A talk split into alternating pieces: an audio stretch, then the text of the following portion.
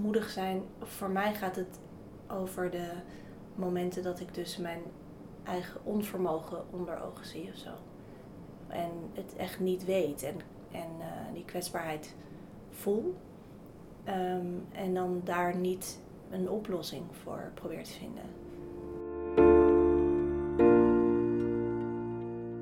Dit is de Braveheart Club.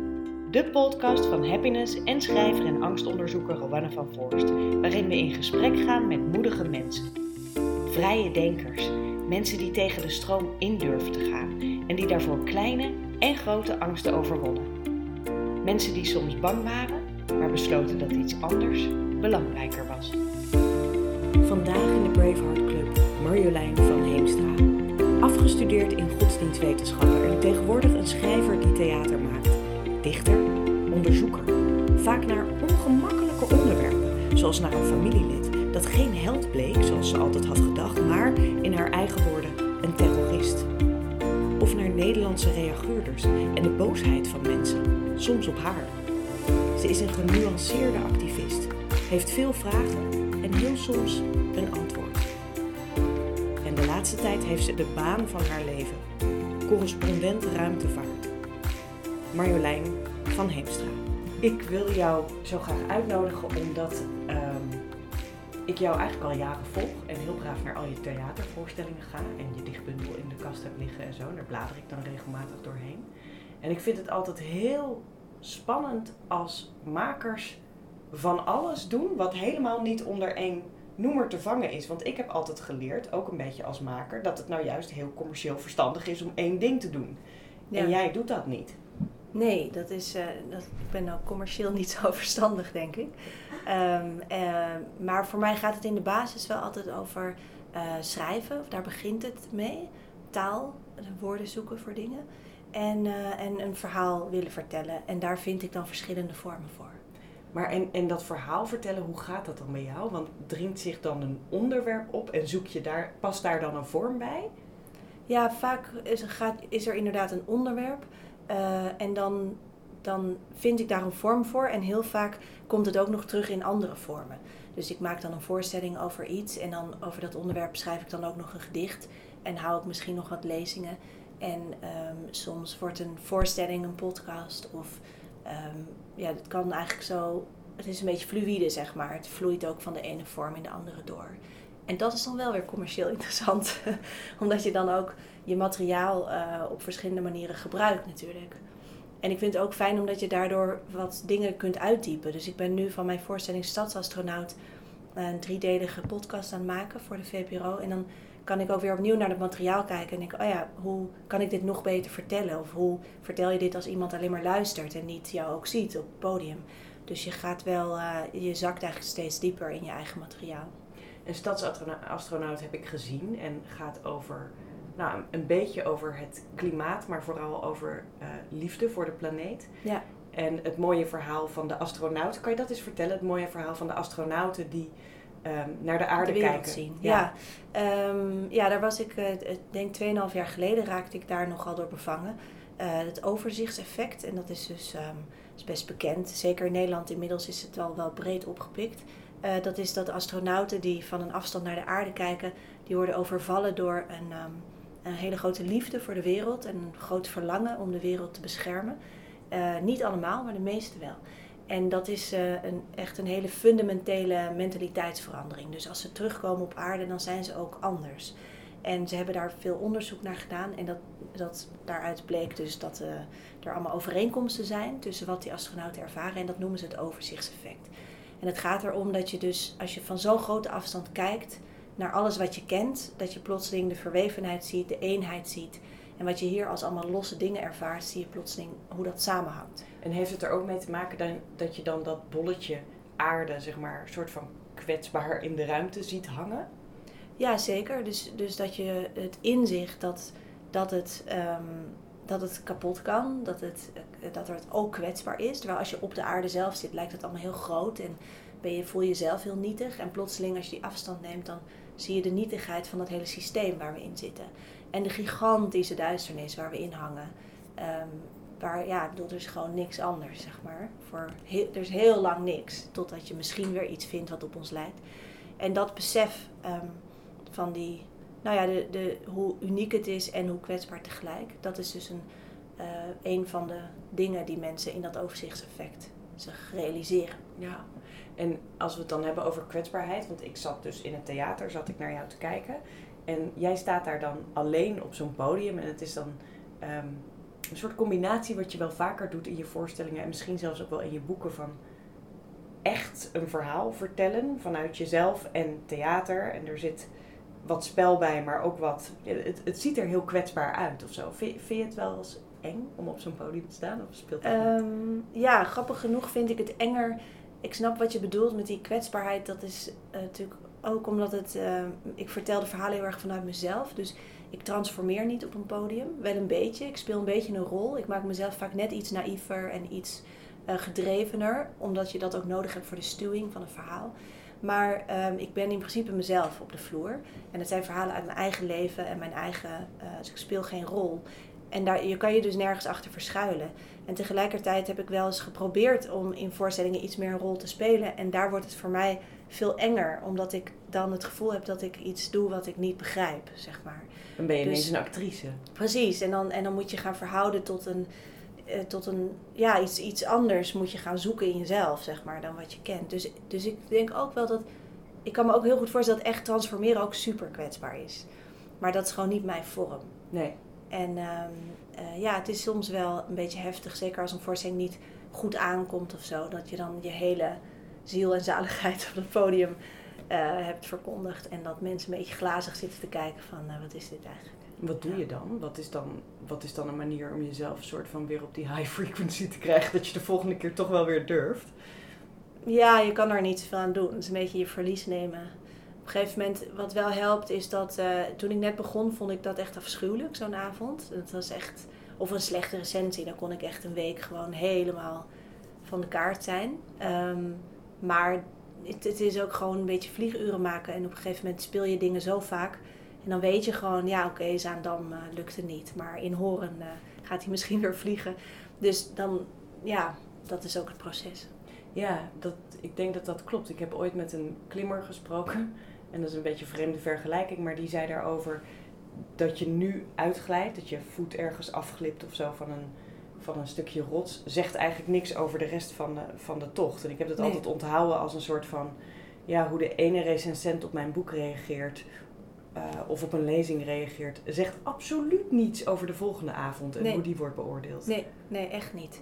Nee, het kan zo zeker, en dat is wel het hele leuke van theater, dat je steeds je herhaalt eigenlijk iets en tegelijkertijd is het elke avond natuurlijk totaal anders. Dus je ziet, je hebt nooit speel je dezelfde voorstelling.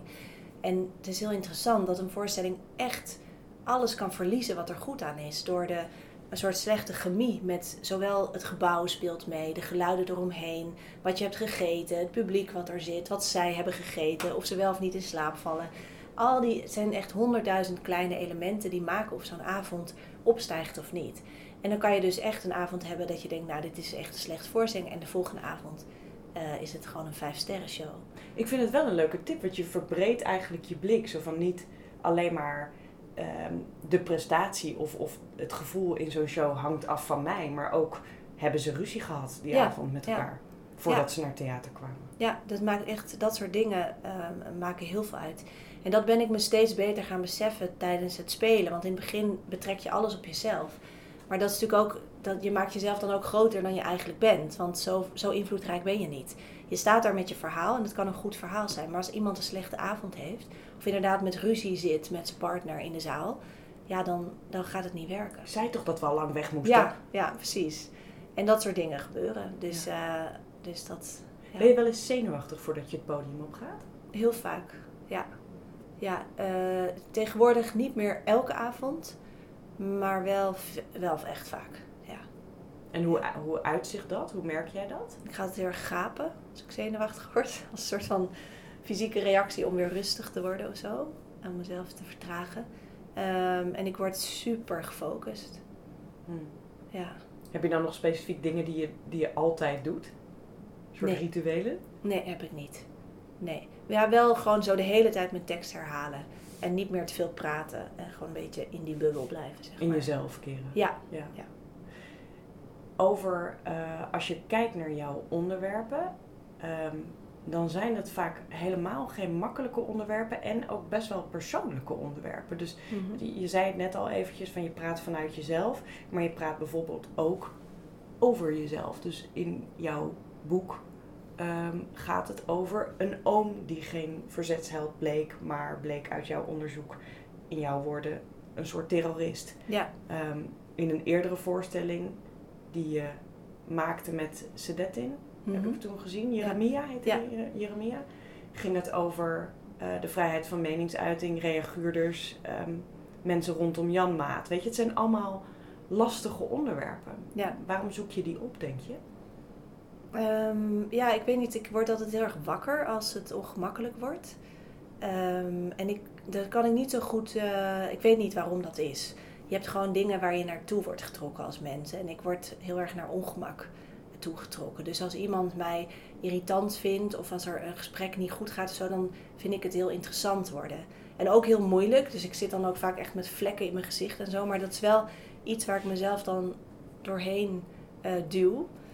Ehm, ja, ik denk omdat het mij altijd de grootste eh, eh, ja, inzichten oplevert. Of het, een gevoel van groei. Ik weet niet of dat een illusie is of niet. Maar eh, je vertelt jezelf natuurlijk allerlei verhalen. Maar ik heb wel vaak het gevoel dat door ehm, in, mijn voorstel, in mijn laatste voorstelling bijvoorbeeld ga ik ook het gesprek aan met een buurman.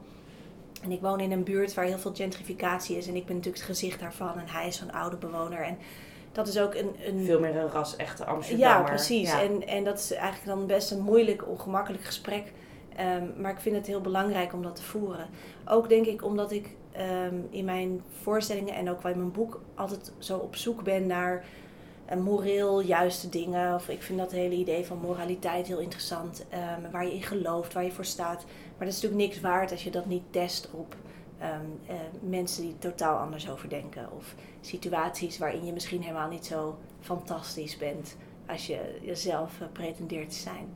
Dus ehm, ik denk dat dingen alleen maar waar zijn als het tegenovergestelde ook waar is of zoiets. En dan zoek je dus ook naar die tegenovergestelde waarheid, bijna om je eigen waarheid te bevestigen of te verdiepen of zo. Ja, maar je bent daar wel, ehm, tenminste dat, mijn indruk vanaf de buitenkant is wel dat je je laat raken ook. Dus ik weet nog dat er toen zo'n discussie rondom jouw show, of in dezelfde periode volgens mij toen die net begon, of toen had je een column geschreven in Trouw en die ging ook over, een beetje spottend over jezelf als bakfietsmoeder. Die ging ook Ja. over gentrification, over dat enorme verschil tussen arm, rijk, eh, Ja. nieuw, urbane elite bubbel Mhm. en de oude Amsterdammers van weleer. En Ja. Die column die werd niet helemaal goed opgevangen. Nee, dat kan je wel zeggen, ja. Nee, die werd echt. eh, ik dacht dus dat, die, dat de ironie er heel dik bovenop lag, maar dat werd eigenlijk helemaal niet zo gelezen. Ehm, en ik had het misschien ook wel echt verkeerd opgeschreven. Maar die werd enorm. eh, het was eigenlijk de eerste keer dat iets van mij viral ging. ik dacht, nou, net jammer dat het dan die column was. Maar dat. dat eh, Eindelijk succes. ja, eindelijk succes. En toen was, stond ik op geen stijl met een Hitler-snor en allerlei van die eh, rechtse fora. Het kwam uit, eigenlijk uit alle hoeken hoor, werd ik enorm aangepakt. Ehm, Want wat was de kritiek even voor de, de mensen die kritiek was eh, dat ik mezelf heel, als een heel arrogante nieuwe bewoner van die wijk eh, oude bewoners wegzette als een soort oud vuil. Ehm, maar ik probeerde eigenlijk op te schrijven wat, hoe ik, zeg maar, de rol die ik heb in die buurt. Ehm, want het ging over een confrontatie met zo'n oude bewoner in de buurt.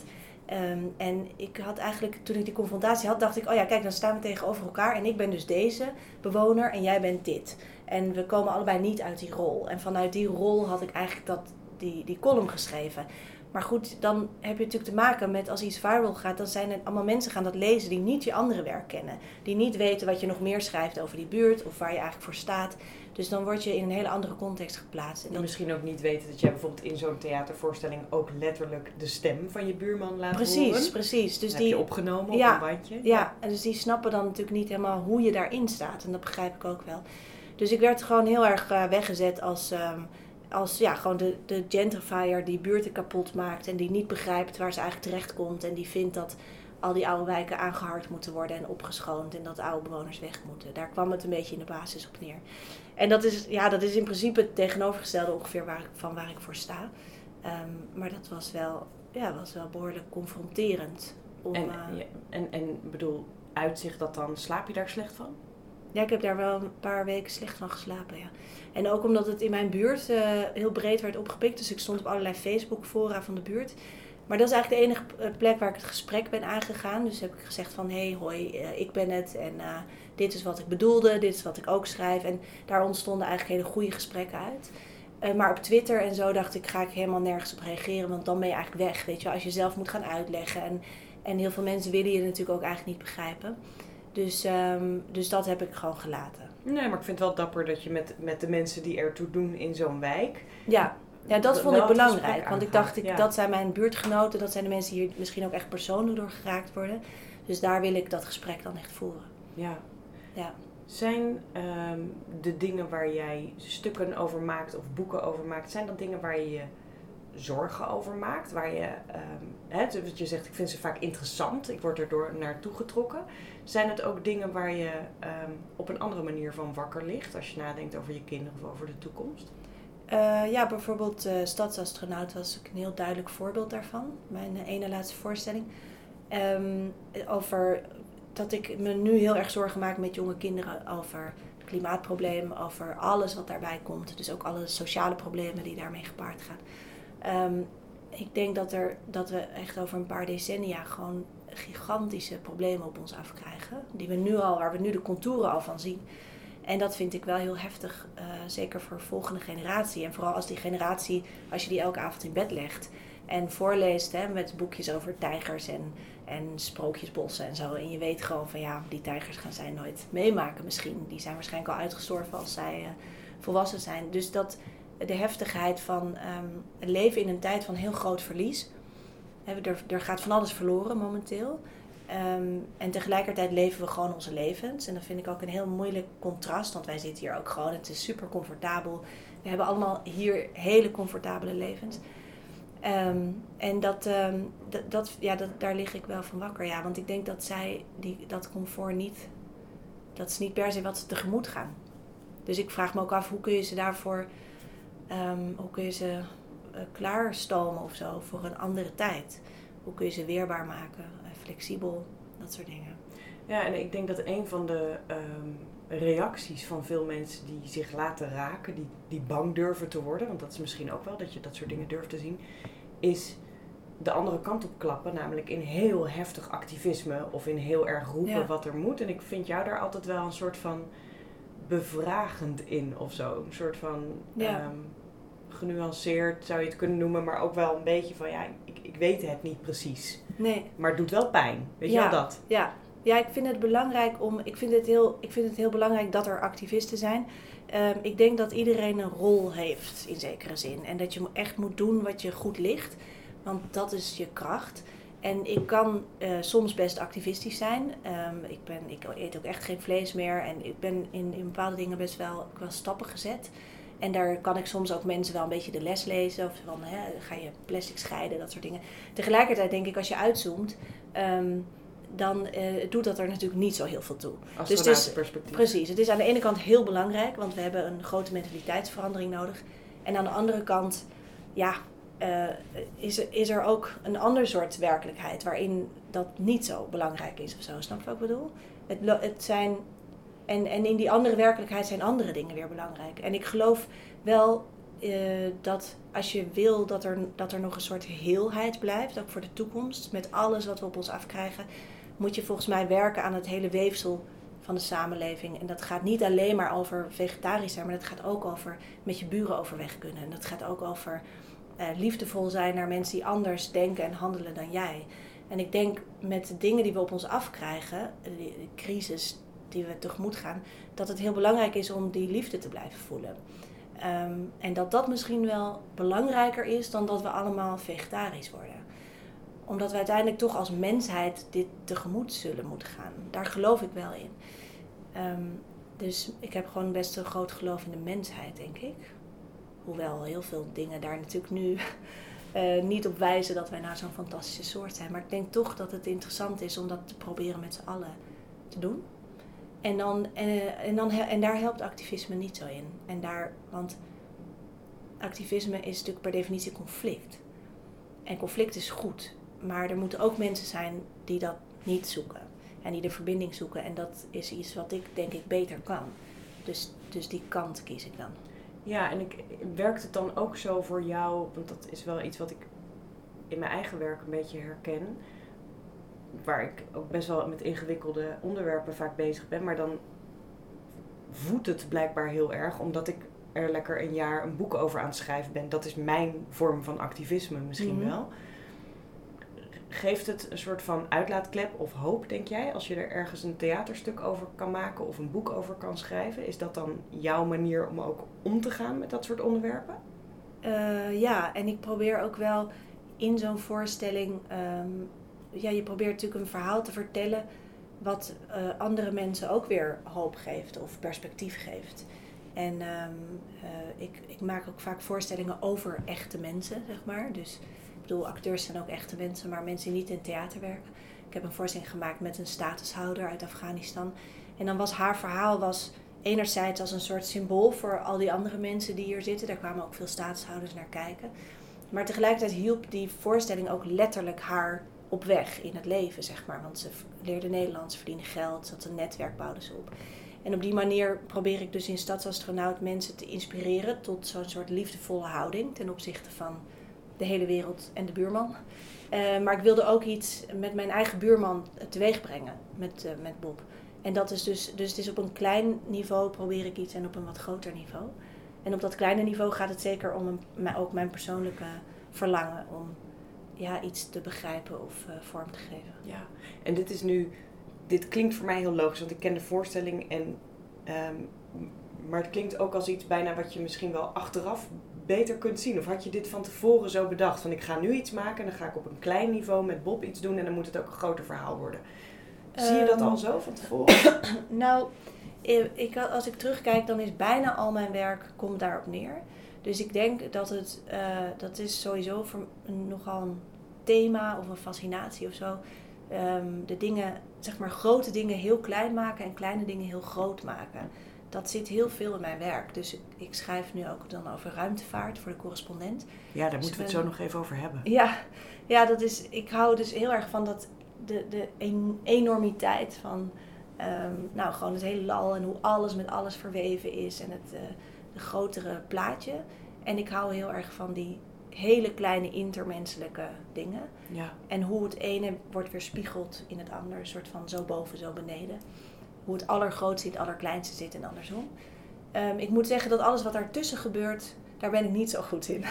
Dus het is voor mij echt eh, enorm uitzoomen of enorm inzoomen. micro en macro. Ja. En niet zozeer meso, zeg maar. Nee, nee, dat is niet mijn gebied. Nee. Die ehm, artikelen die je schrijft voor de correspondent, dus daar moest ik vreselijk om lachen dat ik ineens zag staan. Correspondent ruimtevaart. ja. dacht Ja, ik, nou wat een topbaan. Wat ja een dat is heel leuk. Ja. Ehm, daarin maak je onder andere, schrijf je dingen over onze angst voor het donker. ja. Hoe zit dat? Ehm, Waarom zijn wij bang voor het donker? Waar zie Ja. je dat in? Nou, ehm, dat, eh, ik schreef daarover omdat het heel gek is dat we zoveel investeren in ruimtevaart in deze tijd, maar zelf het uitzicht op de sterren verliezen. Dus we zien bijna geen sterren meer en Nederland is een van de meest lichtvervuilde landen ter wereld. Ja, omdat het hier zo licht is. Dus als je zo licht, kijkt, ja. zie je eigenlijk niet meer waar ze Nee, staan. je ziet ongeveer een tiende van wat je zou kunnen zien als het echt donker was.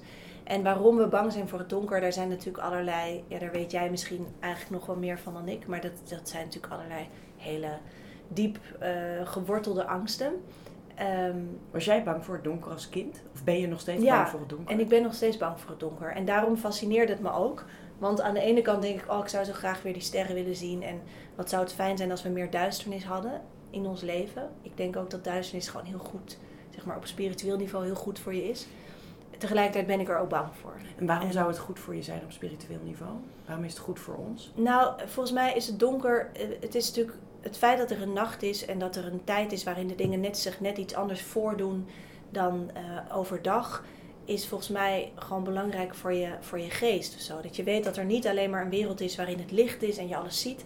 Maar de nacht is ook de tijd van ja, griezelverhalen, van poëzie, van, hè, waarin de dingen gewoon... Ja, dingen zijn anders s'nachts, toch? En er zijn heel veel culturen waarin de nacht ook een tijd is voor genezing. Omdat je dan dus, ze zeggen van ja, dan zie je eigenlijk de dingen voor wat ze werkelijk zijn. Dus wat wij, waar wij zo bang voor zijn, dat je het ligt te malen s'nachts. Dat wordt dan in zo'n cultuur juist aangemoedigd. Omdat ze zeggen, ja maar dat, dat malen, dat is, je gaat dan het echte probleem aan of zo. Of dan Hmm. zie je de dingen, of de, de, ja, de, de werkelijke omvang van je angst en van je verdriet en van je... Daar gebruiken in het Westen heel veel mensen LSD voor tegenwoordig. Ja, ja, of dus slaappillen om dat weg te, om dat maar niet eh, te voelen.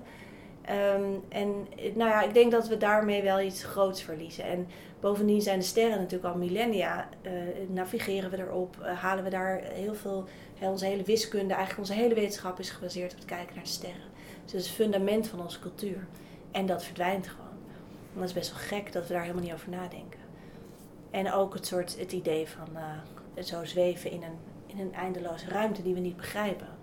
En denk je dan dat zeg maar, die angst voor het donker, ik neem aan dat zich dat dan uit bijvoorbeeld eh, als je in een donker steegje zou kunnen lopen of zo. Denk je dat dat vroeger minder erg was als mensen nog meer gewend waren aan het donker? Enerzijds wel. Ik denk ook dat, ehm, dat mensen gewoon minder naar buiten gingen s'nachts. Vanwege die angst. Er waren natuurlijk ook veel meer, er was veel meer bijgeloof. Omdat er was dat duister waar van alles in gebeurde wat ze niet overzagen. Ehm, dus ja, goed, elektrisch licht heeft ons ook heel veel opgeleverd. En vooral vrouwen. Als je denkt aan veiligheid op straat. En hè, dat is denk ik vooral vrouwen ten goede gekomen. Ehm, maar we hebben echt iets heel groots verloren. En dat is dat uitzicht. En de vraag is of je, of je een manier kunt vinden waarop je die duisternis meer in ons leven zou kunnen integreren.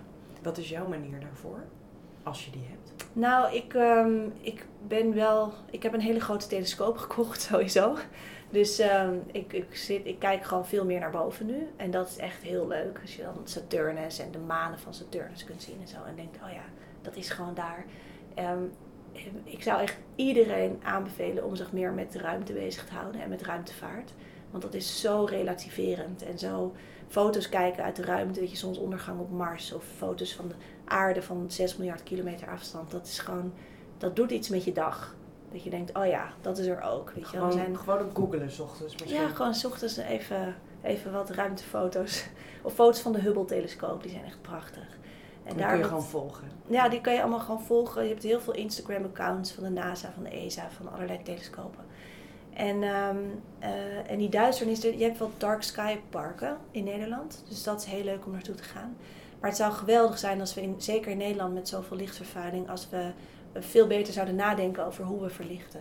Want ik denk dat de helft van de verlichting eh, kan eigenlijk weg. En dat betekent dat we weer nou, heel veel meer sterren zouden zien. In zo'n Dark Sky Park, daar kan je dus meer sterren zien Ja. als je daar bent. Ben je Ja. daar met je zoontjes bijvoorbeeld heen gegaan? Nou, mijn kinderen slapen dan eigenlijk Is- altijd. is- Die zijn nog te, te klein. laat, ja. Eh, we waren in Frankrijk eh, deze zomer. Daar zie je natuurlijk al veel meer. En ehm, ehm, ja, eh, de, de, op Terschelling kan je dus bijna wel ongeveer de Melkweg zien. Dat is Mm. denk ik ongeveer het donkerste plek in Nederland. Maar ik doe dat nu wel meer. Als ik daar in de buurt ben, dan, dan eh, ga ik daarheen. Ja.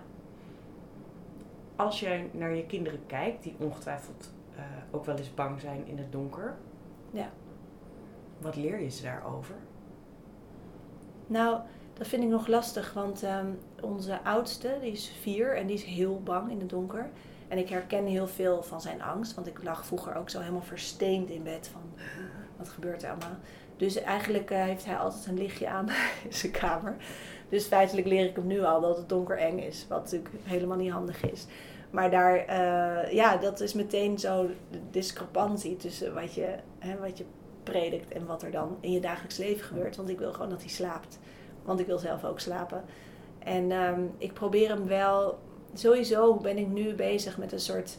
Proberen hem wat meer vertrouwen te geven in de wereld, in zijn eigen kunnen, in erop uittrekken. Ik denk dat dat allemaal samenhangt met. Die angst voor donker is ook ehm, een soort onzekerheid, een soort wezensonzekerheid, denk ik. Van je ligt daar, je weet niet wat er op je afkomt, je weet eigenlijk niet waar je bent. En ik denk hoe steviger je staat überhaupt, hoe makkelijker je met die duisternis om kan gaan. Zowel de metaforische duisternis als de letterlijke duisternis. Dus ik probeer eigenlijk nu hem iets steviger gewoon in het leven te laten staan of zo. Hij is best een beetje onzeker van zichzelf. En dat was ik ook als kind, dus ik herken dat heel erg.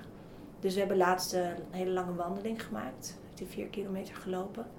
Ik dacht, nou dat vind ik dan een goed begin. Dat hij gewoon wandelt en weet, oh ja, ik kan zo'n lange afstand lopen. Mijn lichaam is sterk. Zo'n Ja. zo'n soort gevoel. Ja, ja. Dus eh, ik probeer het eigenlijk op die manier. Ik denk gewoon door hem meer zekerheid te geven dat hij minder angstig is, überhaupt. Ja, ik denk dat dat een hele mooie is. Ik merk vaak, ehm, ik heb wel ook wel online trainingen ontwikkeld over, over moediger worden en over dapperder worden. En daar is een hele bekende methodiek die voor heel veel mensen werkt. Dus als je bang bent voor, zeg, autorijden, dan hoef je helemaal niet direct te gaan oefenen met autorijden. Maar dan kan het heel fijn zijn om andere dingen te doen die jou een gevoel van Ja. kracht geven. Ja, En als je dat doet, dan voel je op een gegeven moment, zeg na acht weken, je hebt elke week iets gedaan wat je een klein beetje spannend vond. Al is het maar tegen je moeder zeggen, nou mam, het gaat helemaal niet goed Ja, aan de telefoon als ze belt. Ja. In plaats van, ja hoor, alles oké. Zoiets mag het zijn, iets wat voor jou oncomfortabel is, maar waarvan je dan toch een beetje trots bent op jezelf. Dan voelt het na acht weken ineens alsof je meer klaar bent om die auto ja, aan te gaan. Ja, Dus dat Nou, is dat eigenlijk is een beetje wat jij hebt deze gedaan je- methodiek. Ja, ja, Ehm, ik vraag altijd ehm, aan mijn gasten wat ze zouden beschrijven als moedig zijn. Dus wat betekent moed volgens jou? Wat is dat? Hoe kun je moedig zijn in dit leven? Ehm, ja, volgens mij gaat moedig zijn, voor mij gaat het over de momenten dat ik dus mijn eigen onvermogen onder ogen zie of zo. En het echt niet weet en, en eh, die kwetsbaarheid voel. Ehm, en dan daar niet een oplossing voor probeer te vinden. Want dat vind ik namelijk het allermoeilijkst. En ik denk ook dat dat toegeven en daarin durven leven, ik vind dat heel moedig als mensen dat kunnen. Dus eigenlijk een beetje in de onzekerheid en in de mislukking eh, leven. Ja, dus niet direct zeggen, oh, maar dan heb ik nu het antwoord. Dan gaan we nu dit doen. ja, ja, ja, Maar zeggen, auw. ja, ja, ja. En daar gewoon in wandelen, zeg maar. In die, ja. En heeft het dan ook te, ja, dus dan heeft het eigenlijk te maken met naar dat donker durven kijken of naar donkere onderwerpen, ingewikkelde onderwerpen. En daar dan Ja. maar een beetje in blijven staan. Ja, ja. En, en, gewoon, eh, en gewoon lopen en kijken wat er op je afkomt. In plaats van daar ehm, meteen het licht aan te doen of eh, een oplossing voor te vinden. Ja. En om hem nog enigszins ehm, hoopvol te eindigen voor mensen die denken, ja lekker, dan moet ik naar zo'n donker gaan kijken. Ja. En dan voel ik me heel oncomfortabel. Wat is dan een manier om, ook al voelt dat onzeker, of ook al voelt dat een soort van, ja, ik, ik weet dan ook niet precies wat ik nu moet doen, om toch nog lekker door je dag te komen? Dat is voor heel veel mensen best een uitdaging. Ja, dat snap ik, ja. ja. Nou, ehm, in mijn voorstelling zit een, eh, een verhaal. En dat vind ik zelf heel hoopvol. Eh, dat is een soort eh, een mythe een Joodse, uit de Joodse mystiek over hoe het leven is ontstaan. En dat is dan ontstaan volgens dat verhaal uit een vat vol met licht. En dat is in stukken gebroken. En dat licht is dan in allemaal scherven uiteengespat. En al die scherven zitten in het leven. En dus eigenlijk is alles een, in alles wat leeft zit een scherf licht. Dus eh, mensen, dieren, planten en ook in de taal. Dat vertel ik ook in de voorstelling, dat dan elk woord is een soort heilige snipper licht. En al die scherven die hebben heimwee naar dat vat, waarin ze allemaal bij elkaar waren. Dus al dat licht heeft eigenlijk heimwee naar ander licht. En ehm, ik vind dat zelf een hele troostende eh, visie of zo op het leven. Dat ook als je in die duisternis zit of zo, in principe is dat leven, je leeft. En dat is een snipper licht. En dat licht wat je hebt, dat heeft verlangen naar ander licht. En dat andere licht kan in een plant zitten of in een woord of in een ander mens. Maar het zal altijd toetrekken naar dat andere licht. Dus er is, door te leven, is er een beweging in jezelf van licht naar ander licht. Maakt niet uit in welke duisternis je rondwaalt. Dat zit erin. En dat verlangen zit erin, want dat is het leven. En dat vind ik een hele mooie ontstaansmythe of zo, vanuit het leven. Heel mooi. Dankjewel. Dank.